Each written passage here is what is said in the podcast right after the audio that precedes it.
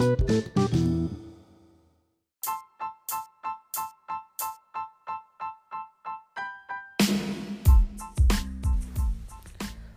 pendengar podcast Psikologi Cinta. Wih, psikologi cinta Oke, hari ini saya bersama dengan Novel Nah, Mas Novel ini adalah eh, mahasiswa psikologi di salah satu universitas di Solo dan sekarang sudah semester 7 ya, Mas? semester 7 Oke.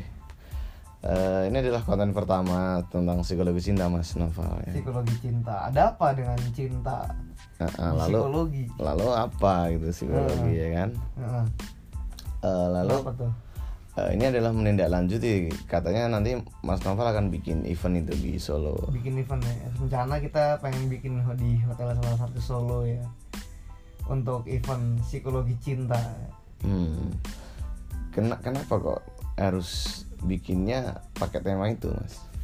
Karena ini Pak Orang Indonesia itu sekarang tuh nggak mau yang terlalu banyak mikir Hmm. Nah, cinta ini dialami oleh semua semua orang gitu ya, khususnya orang-orang generasi muda, milenial gitu. Hmm. Senang tentang cinta. Cinta ini nanti luas nanti yang kita bahas nanti, Pak. Oh, jadi bukan cinta Tentang kepada pasangan aja. pasangan aja. Oh. Cinta kepada ketuhanannya, Oh. cinta pada orang tuanya, relasi dan lain sebagainya. Oh, berarti memang eh, cintanya ya. Cintanya, Cinta kita bahas secara umum ya. cintanya secara umum.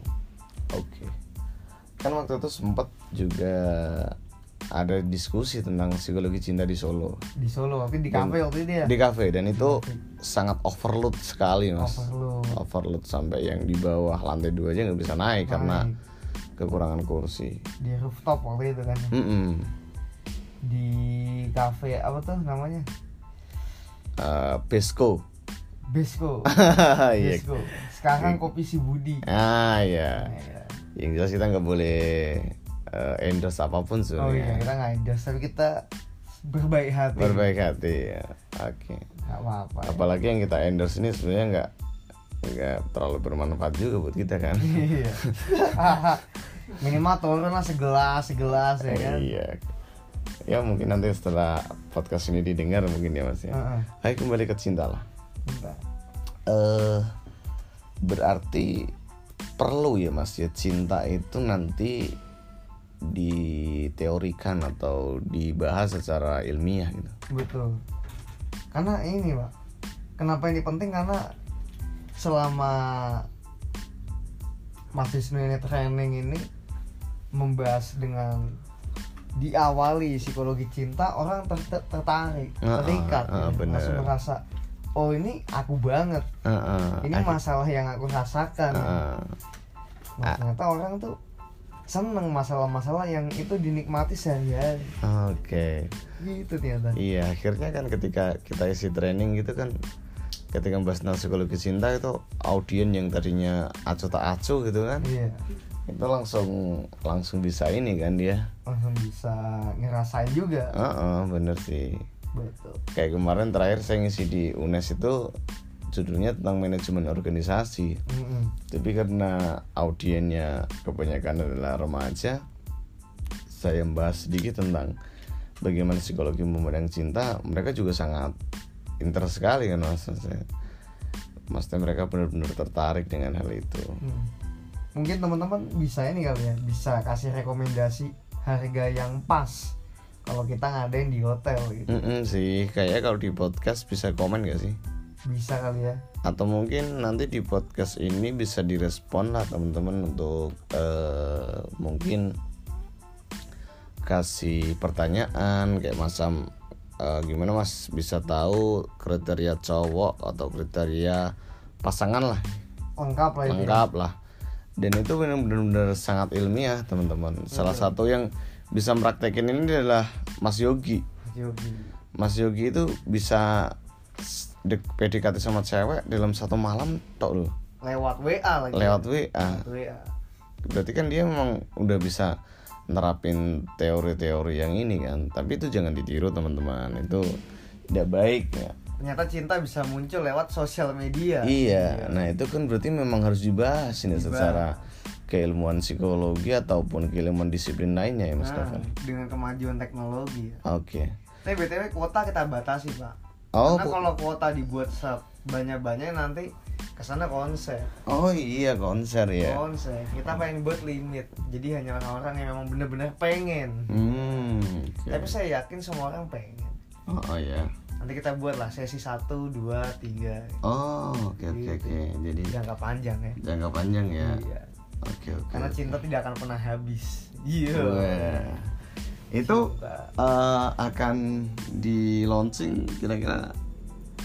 Launching kita akan mulai mungkin bulan ya nggak mungkin deh nggak mungkin. Kita akan mulai sebelum puasa ya. Puasa kan April ya. Mm-mm. Maret kita mulai lah. Jadi kita harapkan dengan ilmu psikologi cinta itu setelah nanti eh, saling maaf-maafan Idul Fitri semua udah punya pasangan gitu ya? Betul. Dengan bekal psikologi cinta itu jadi ya dengan psikologi cinta dia akan memantapkan dia di bulan Ramadan Heeh. selesai itu dia mulai fight Gila. Baik ya lamar orang kenalin ke orang tua pas Iya. waktu halal bihalal itu ya luar biasa sekali karena ternyata sangkut pautnya luas kemarin saya lihat buku di Gramedia nikah itu mudah asalkan anda mau wah sih. Ya, asik. ada kaitannya dengan cinta ternyata Oh, oke oke oke.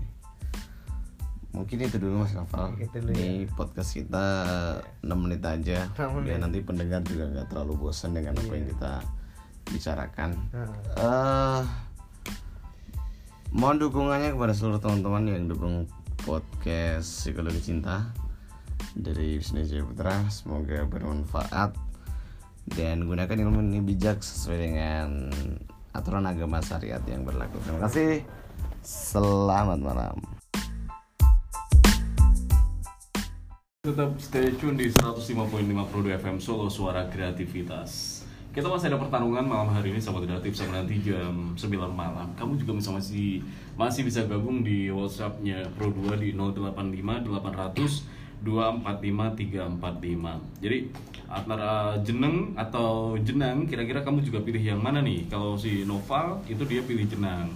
Kalau si Wisnu. Wisnu dia lebih memilih untuk jeneng. Jadi ini juga ada yang mementingkan proses, satunya lagi ada yang mementingkan hasil. Kalau berarti yang novel itu yang penting hasilnya gitu. Proses nggak begitu penting gitu kan. Tapi kalau si uh, Wisnu yang penting proses. Masalah hasil itu semua tergantung sama proses. Bener gitu gak sih? Kalau kamu alasannya apa, Wisnu? yang ini balik balik Wisnu yang mementingkan jeneng ya. Jeneng, Mas. Oke, Iya. alasannya apa kamu? karena ketika kita nggak melalui proses terus menuntut hasil Ah. itu akan sama artinya dengan apa gitu soalnya kalau saya di kantor juga interview orang banyak orang yang nuntut jenangnya Mhm. pasti itu mesti gagal di saya selalu gagal karena kita kan punya standar yang Itu dia- berarti apa secara subjektif mempengaruhi Iya ada ada klasifikasi tertentu mas. Ah. Jadi di kantor itu sampai universitasnya negeri atau swasta, Hmm. IPK-nya berapa, ada pengalaman kerja atau tidak, itu sebenarnya sudah ada klasifikasinya. Terus contoh standar kita di angka 5 gitu, dia mintanya 7 Padahal dia di standar 5 pun nggak nyampe gitu. Dari dari dari CV-nya dan sebagainya. Itulah yang membuat saya juga ketika saya sekarang bekerja juga ya seperti itu. Saya lebih mending proses bener-bener tahu bener-bener ngerti bener-bener punya potensi baru nanti eh, tetap mengikuti itu tetap mengikuti Oke. untuk jenangnya Oke, jadi memberikan aku pengen dengar dari uh, Nova, kamu kasih kritik dong tentang apa yang menjadi keyakinan dari Wisnu. Waduh, mohon izin Pak Senior. Founder saya soalnya. Saya kalau ngelawan apa. dosa. Oh, ya. siap. Tapi gini sih, kalau soal uang ya berarti kita materi. Jenang itu kan selalu manis berarti ya. Mhm. Jadi memang kita bahas jenang itu ketika ketika pas kuliah itu dia udah punya pengalaman dulu. Contoh kayak saya, saya ikut uh, di MGM, saya ikut partai-partai di tempat-tempat lain di Solo. Saya punya pengalaman itu saya masukkan di CV. Hmm. Baru saya bisa menentukan jenang yang pas. Kenapa saya perlu dibayar sekian. Jadi kayak gitu. Jadi untuk sebenarnya untuk orang-orang yang memang dia uh, belum punya pengalaman justru jangan sampai dia masuk ke dunia kerja menuntut hal tersebut. Carilah pengalaman dulu baru dia menuntut jenang tersebut. Berarti kamu juga mementingkan jeneng dong kalau harus mencari pengalaman dulu baru. Kalau untuk kerja, Kalau kalau untuk kerja. kerja, karena kan orientasinya ini berarti untuk kerja berarti kan. Mm. Kalau untuk kuliah mungkin saya lebih prefer ke Mas Wisnu tadi ya tentang ke jenang tadi. Tapi kalau untuk dunia kerja, Mm. sebenarnya jenang itu akan dipakai ketika memang kita udah punya pengalaman dulu gitu. Oke, jadi artinya ketika kamu mendapatkan, misalkan nih satu uh, studi kasus simpel lah, misalkan uh, Noval dapat satu tawaran pekerjaan, kamu akan lebih mementingkan apa namanya prestisius dari satu jabatan, tetapi penghasilannya kecil, atau kamu lebih memilih penghasilan yang besar, tapi itu tidak prestisius. Pilih yang mana kamu?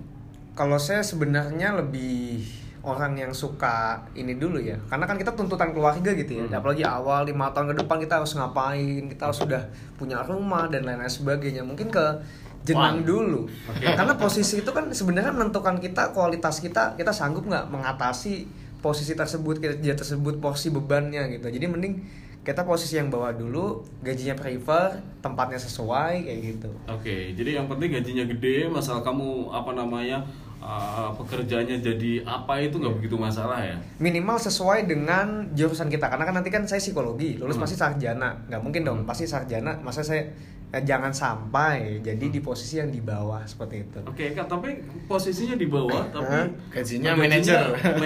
manajer. Atau kamu lebih memilih manajer, tapi gajinya gajinya kuli sepertinya tukang sapu lah. ya. perlu sapu. diperhitungkan ya perlu diperhitungkan kalau ya, itu untuk, udah nggak Gimana? ada ya untuk saat ini mungkin kayaknya gaji dulu deh Gaji dulu ya? gaji dulu deh apa-apa lah itu Oke, kan sapu ya ya? Saya kira ronde pertama udah gue ya. Iya. ini, ini baru sulit sulit ya Oke, udah agak goyang. Oke, tapi uh, sejauh ini pengalaman kamu gimana, Wis? Eh, kalau di interview tuh biasanya memang kebanyakan ya itu kalau ditanya saya harus bayar mas berapa gitu nanti jawabannya sok-sok diplomatis sana ya mas Firly ya biasanya kan saya tergantung dengan Kalau kamu sendiri? kalau saya mesti juga punya standar Kalau saya. pertanyaan saya sama kayak saat ketika saya nanya novel, apa jawaban kamu? jawabannya tetap pilih yang dapat jenengnya dulu mas Oke. karena Jadi yo- kamu lebih mementingkan posisi itu Iya, prestisius apa enggak? Proses posisi itu soalnya kan buat kita agar bisa tahu banyak ya Mas, baru pengalamannya banyak. Akhirnya kan kalau tahu banyak, akhirnya juga nanti berdampak kepada jenangnya juga gitu. Saya boleh, saya boleh Bo- masuk nih. boleh dong. Boleh ya, duluan gitu ya.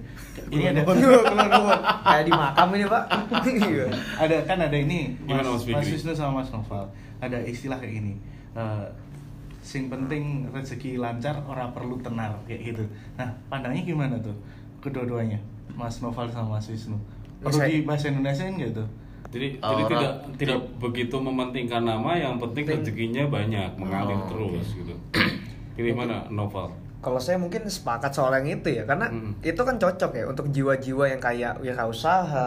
Apalagi sekarang kita punya istilah ya di dunia uh, 4.0 ini namanya justru namanya work vacation. Mhm. Jadi justru anak milenial tuh seneng kerja yang dia porsinya yang penting selesai sama kayak orang yang kerja dari 9 to 5 gitu. Dia kerja Oke. uh, porsinya sama tapi dia bisa mengerjakan di mana saja dengan Hmm. gaji yang lebih. Hmm. Jadi di istilah itu nih. Oh, tapi nanti nggak bisa cerita sama orang tua.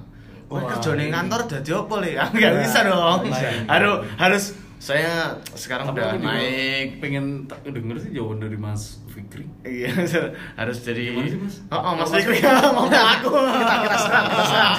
jadi gini sebenarnya nanti di conclusion ya cuman Oke. tak bocorin dikit-dikit Oke, ya. dikit aja bocorannya. Karena aku masih ada pertanyaan lagi nih untuk uji uh, seberapa kuat sebenarnya uh, apa namanya apa yang diyakini oleh Naufal maupun juga Wisnu tentang jenang maupun jenang itu tadi. Iya. Ada satu istilah gitu ya. Hmm. setiap masa ada orangnya. Oke, setiap masa ada orangnya, setiap orang ada masanya. tahu kan? Tahu Nah, setiap masa ada orangnya setiap orang ada Masanya. masanya, gitu. Saya sampaikan tadi sebelum siaran gitu sama mereka berdua. Hmm. bro kalian itu hanya punya 5 sampai 7 tahun. Oke. kurang lebih masa emas kayak gitu. Ini kan mereka masa emas. Kalau kita udah emas ketuaan jadi delik neng tang misalnya kalau mereka berdua masa-masanya keemasan. Asumsinya eh, dengan usia muda masih punya fisik yang bagus kayak gitu masih punya kemampuan dan eh, secara apa ya packaging itu asik mereka berdua ini di mumpung jadi mahasiswa ataupun di Unicode Bond kayak gitu. Karena secara ketika ditampilkan di apa namanya brosur ketika ditampilkan di leaflet dan lain sebagainya it's awesome gitu dengan eh, kondisi seperti itu. Cuman mereka itu ada masanya kayak gitu. Hmm. Masanya ini ada orangnya mereka berdua tapi mereka juga ada masanya kayak gitu. Nah di masa ini 5 sampai 7 tahun ini masalah jenang dan jeneng itu harus cerdas dalam mengelola prioritas. Saran saya seperti itu. Sebenarnya ketika dibalikkan ketika orang itu confidence dengan dia punya gue itu punya jenang saya milih jenang karena saya itu punya standar yang disampaikan oleh Mas Wisnu tadi Oke. Nah, standar ini kadang-kadang ini yang jadi PR kita sebagai orang yang hidup di plus 62. Apa itu? Standarnya itu orang masih seringnya lihat berdasarkan di atas kertas, sertifikasi dan lain sebagainya. Paradigma itu yang sebenarnya menjadi satu hal yang hendaknya kita bisa mengelola dan mengolah kepada setiap perusahaan yang masuk ke sana. Taruhlah kayak gini. Ketika wawancara seperti tadi, seperti yang disampaikan Mas Wisnu ya, jawabannya kan diplomatis gitu. Tapi orang yang memilih jenang, saya kira jawabannya tidak akan diplomatis. Dia akan sampaikan, saya pengen gajinya taruhlah 5 juta. Tapi beri saya waktu tiga bulan. Saya akan mewujudkan ini, ini, ini, ini, ini, ini, ini, ini dengan konsekuensi seperti ini.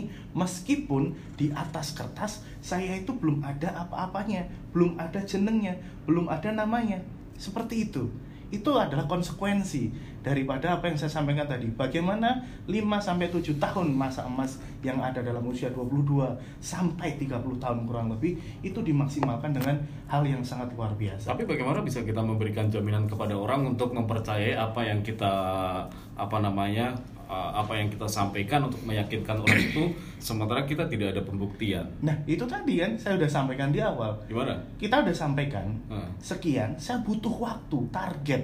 Itu sebenarnya kalau kita eh, apa namanya HRD atau atau orang yang eh, menjadi satu asesor bagi mereka, itu sebenarnya sudah ada nilai plus. Tergantung nanti bagaimana kita membuat sistem. Bagaimana sistemnya? Sistem yang tepat dalam rangka untuk mengukur, memparameterkan seberapa jauh prestasi kerjanya, seberapa jauh dia bisa bekerja secara maksimal di perusahaan itu. Kalau satu bulan sekiranya tidak ada tanda-tanda dia mempunyai uh, hasil yang maksimal dalam bekerja, ya udah SP3 langsung aja sekalian ya itu. Cuman kalau satu bulan memang itu sesuai harapan dari manajemen, sesuai harapan dari perusahaan, sesuai harapan dari kantor, kenapa tidak untuk dipertahankan? Kenapa tidak kita memberi jenang yang pas untuk yang bersangkutan? Apa Seperti hubungannya itu antara jenang dengan jeneng berarti? saling berhubungan. Cuman gini, ini nanti pemantasan diri, Mas. Mas Arifin. Jadi ketika dia disampaikan seperti itu, sebenarnya di awal dia sudah saya pantas kok kayak gitu untuk diberikan sekian. Jadi ketika dia masuk dan berhasil menus, eh, menyelesaikan segenap janji, menyelesaikan segenap eh, apa namanya gebrakan yang di awal, otomatis dia akan punya jeneng. Oke. Masuk ya? Berarti jenengnya akan di Setelah jeneng itu tadi- setelah pembuktian kan? setelah pembuktian dan pembuktian itu motivasinya utamanya adalah jenang Oke. Eh, motivasinya adalah jenang. Berarti tetap bagaimanapun dia, dia mempertaruhkan jeneng. ya tapi kan yang pertama yang dicari untuk Mhm. lebih membuat dia semangat adalah jenang itu Oke. tadi kalau masalah masalah jeneng itu ya gini Mhm. Saya nggak mau terlalu jauh ke apa gambling dan lain sebagainya Oke. tapi kalau orang yang biasanya punya optimisme tinggi saya taruhlah contoh yang sering saya ceritakan masalah penjual aqua kayak gitu Hmm. penjual aqua di awal dia akan di eh, tidak punya nama kan Hmm. tahu kan wah jualan air dalam botol Oke. banyak orang yang mencerca banyak orang yang menghina kayak gitu tapi di uh, kepalanya di otaknya di visinya di misinya di cara berpikirnya dia sudah punya hal-hal yang akan dia lakukan. Eksekusinya disiplinnya dan lain sebagainya itu yang saya sampaikan jadi ketika orang masuk ketika ditanya gaji dan jawabannya tidak diplomatis tapi dia punya uh, keyakinan yang tinggi dan optimisme yang tinggi itu akan jadi satu nilai yang lebih untuk mendapatkan jenang yang didapat Oke. itu nilainya Oke, Seperti jadi itu. nilainya adalah bagaimana kita bisa menjual keoptimisan kita kepada orang lain plus untuk pemantasan dan pembuktian plus pemantapan dan pembuktian. Berarti harus pemantapan dan pembuktian dulu baru untuk kita mendapatkan jenang yang kita inginkan dari orang ya itu. tapi sebelumnya di pemantasannya sudah saya sampaikan tadi tadi dia di sini sudah ada angan-angan, ada blueprintnya, gua harus apa dan lain sebagainya. Itu sudah ada. Kadang-kadang munculnya blueprint itu ya, ini malah menengkapi jalur gitu. Biar kita aja dulu. di blueprintnya orang berpikir gitu kadang-kadang munculnya ini yang istimewa mas Oke. ini yang ada dinamika satu memang pure karena nama itu tadi jeneng itu tadi tapi memang pure karena ada gift atau pemberian yang sudah disampaikan melalui otaknya untuk bisa berpikir secara jauh ke depan untuk memikirkan visi masa depannya. Oke. jadi Jadi tergantung itu dulu itu. jadi gini, misalkan. Ini kayak sidang skripsi Oh, semua sidang. kayak ini yang sidang. kita yang kita yang kita bahas adalah ketika di dunia kerja ya.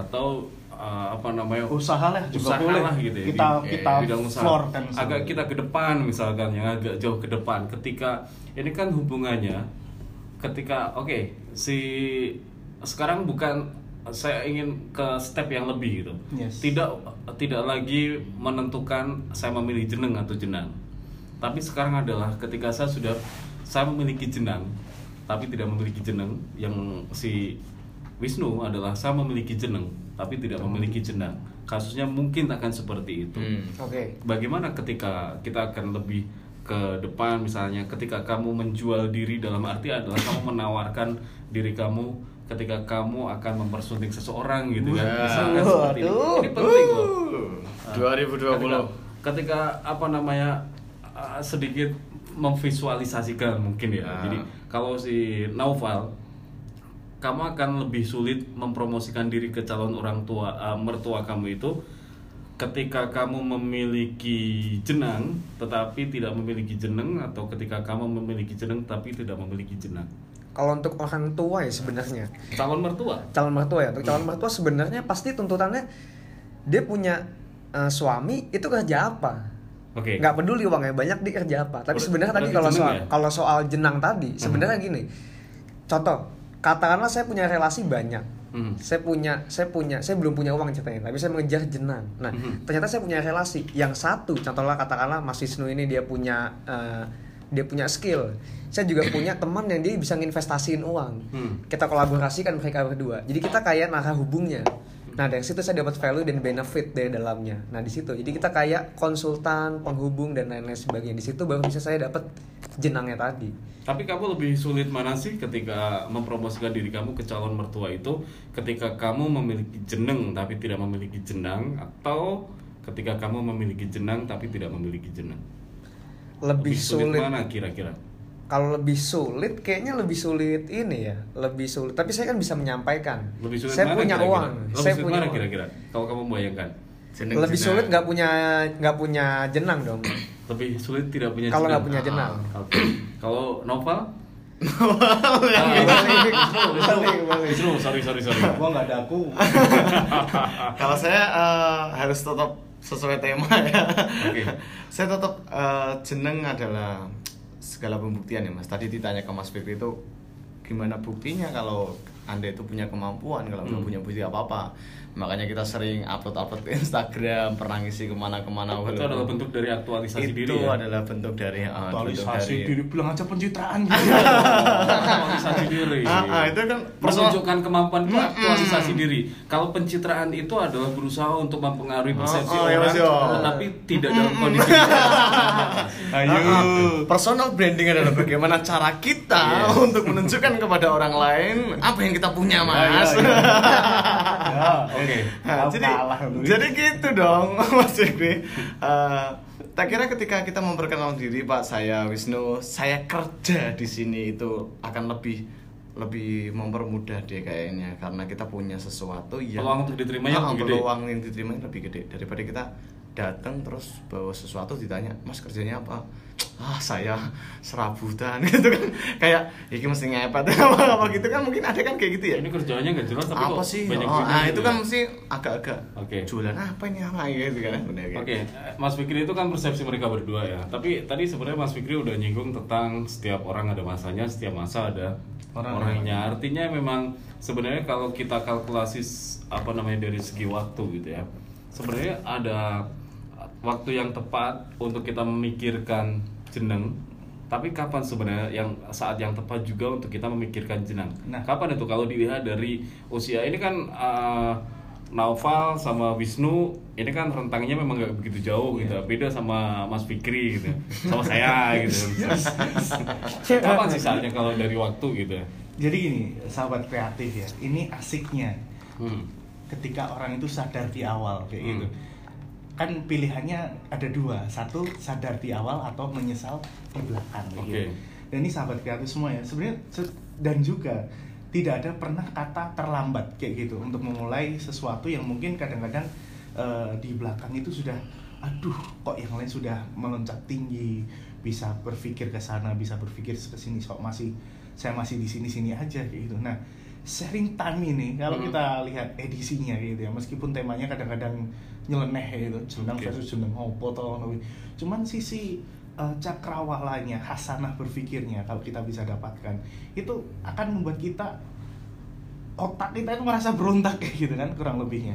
Otak kita kan mempunyai satu satu macam dobrakan hal-hal yang kita itu dituntut untuk berpikir. Kaitannya dengan apa? Mewujudkan masa depan yang tepat. Dan ini menjadi satu eh, apa ya nilai yang baik dari RRI Pro 2 FM khususnya yaitu menghadirkan satu nilai-nilai psikologi populer itu. Nah, kembali lagi kaitannya ke yang tadi, makanya kalau kata Tom Hardy itu ya nggak masalah toh kamu itu 25 tahun memulai usaha nggak Hmm. masalah kok kamu 30 tahun itu baru mulai pernikahan ya gitu dan nggak masalah juga 40 tahun itu baru punya rumah atau baru punya mobil yang penting kan di situ adalah sikap dari segenap masalah yang bisa dilalui nah dari sini ke sobat kreatif semua sahabat kreatif semuanya bahwasanya ketika kita sudah menyadari mana sebenarnya uh, potensi kita itu satu mana sebenarnya kita itu istilahnya punya masa berapa masa durasi masa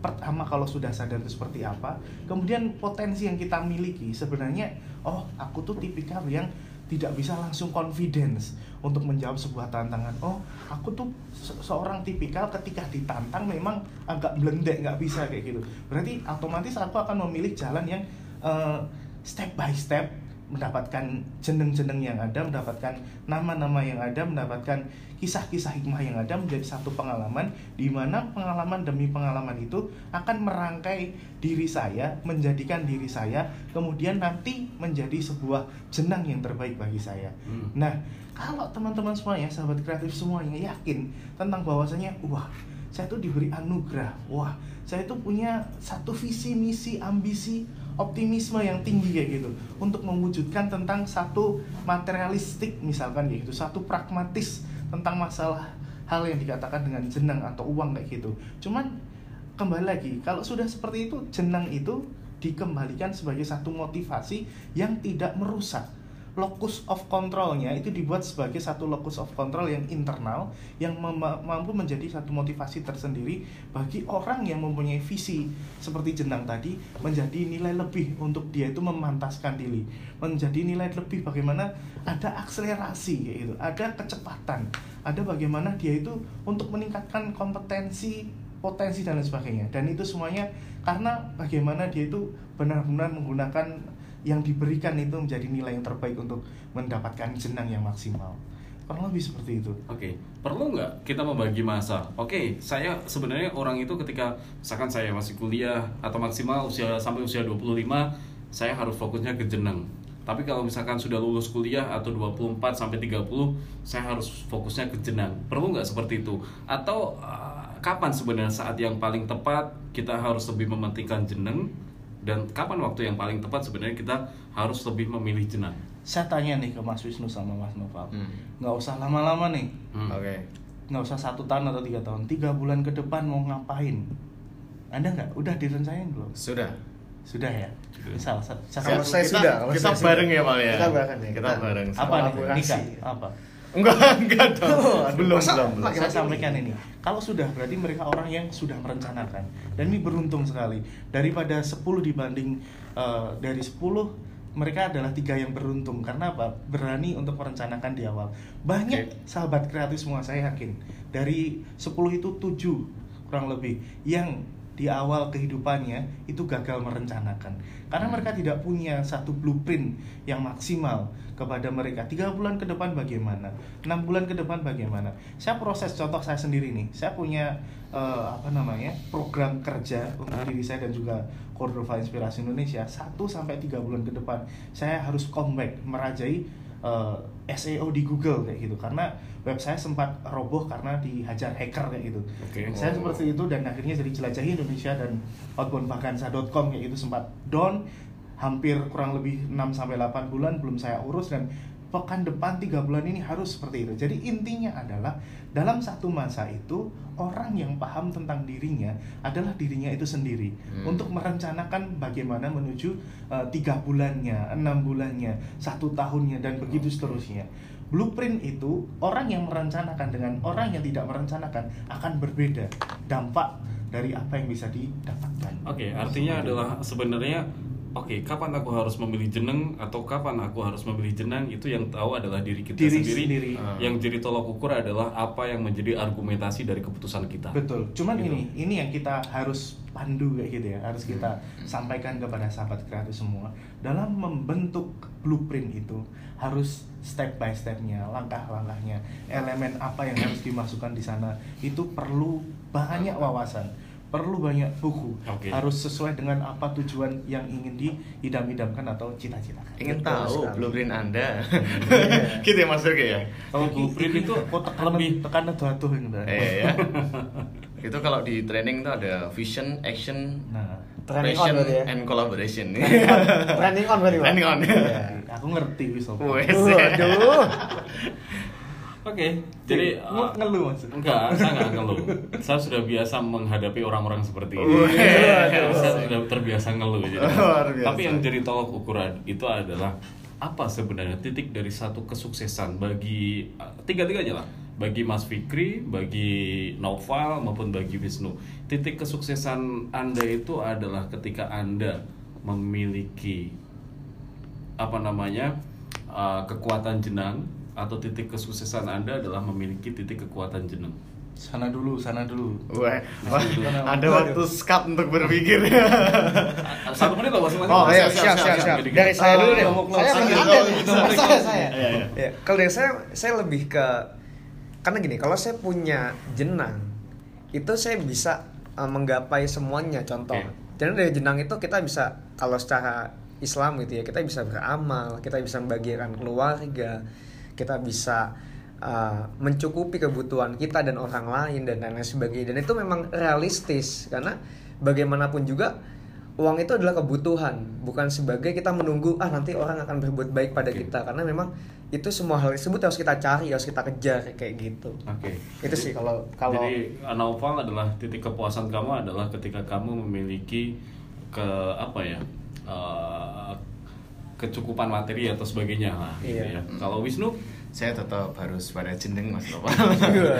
karena kalau kita punya jeneng kita bisa eh, juga sama beramal tuh nggak perlu pakai Oke. uang juga kita berdakwah dengan kebaikan karena kita punya jeneng tadi ya Oke. contoh kita jadi manajer terus kita nyuruh wah sekarang Oke. sholat duha semuanya gitu kan sama aja juga Oke. juga pahala jadi eh, tetap terletak pada jeneng sih kalau saya Oke. pengaruh Jadi untuk jeneng, tetap jeneng berarti Hmm. untuk uh, Wisnu. Kalau Mas Fikri adalah titik ke- apa kesuksesannya adalah ketika memiliki jenang dan juga jeneng.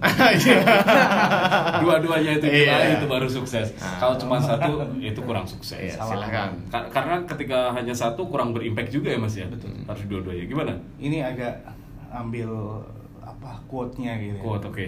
Ustadz Salim Afilah kayak gitu ya. Mhm. Disampaikan sebenarnya ada hal yang berbeda dari berapa besarnya rizki dan berapa potensial rizki. Ada yang bisa membedakan?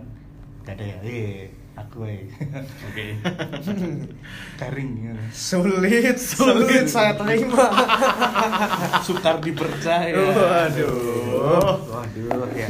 Eh, ketika disampaikan tentang masalah berapa besar rizki dan berapa potensial rizki, berapa rizki itu dikatakan misal nih gaji anda sekian, cuman di belakangnya potensial rizkinya minus. Kenapa potensial rizkinya minus?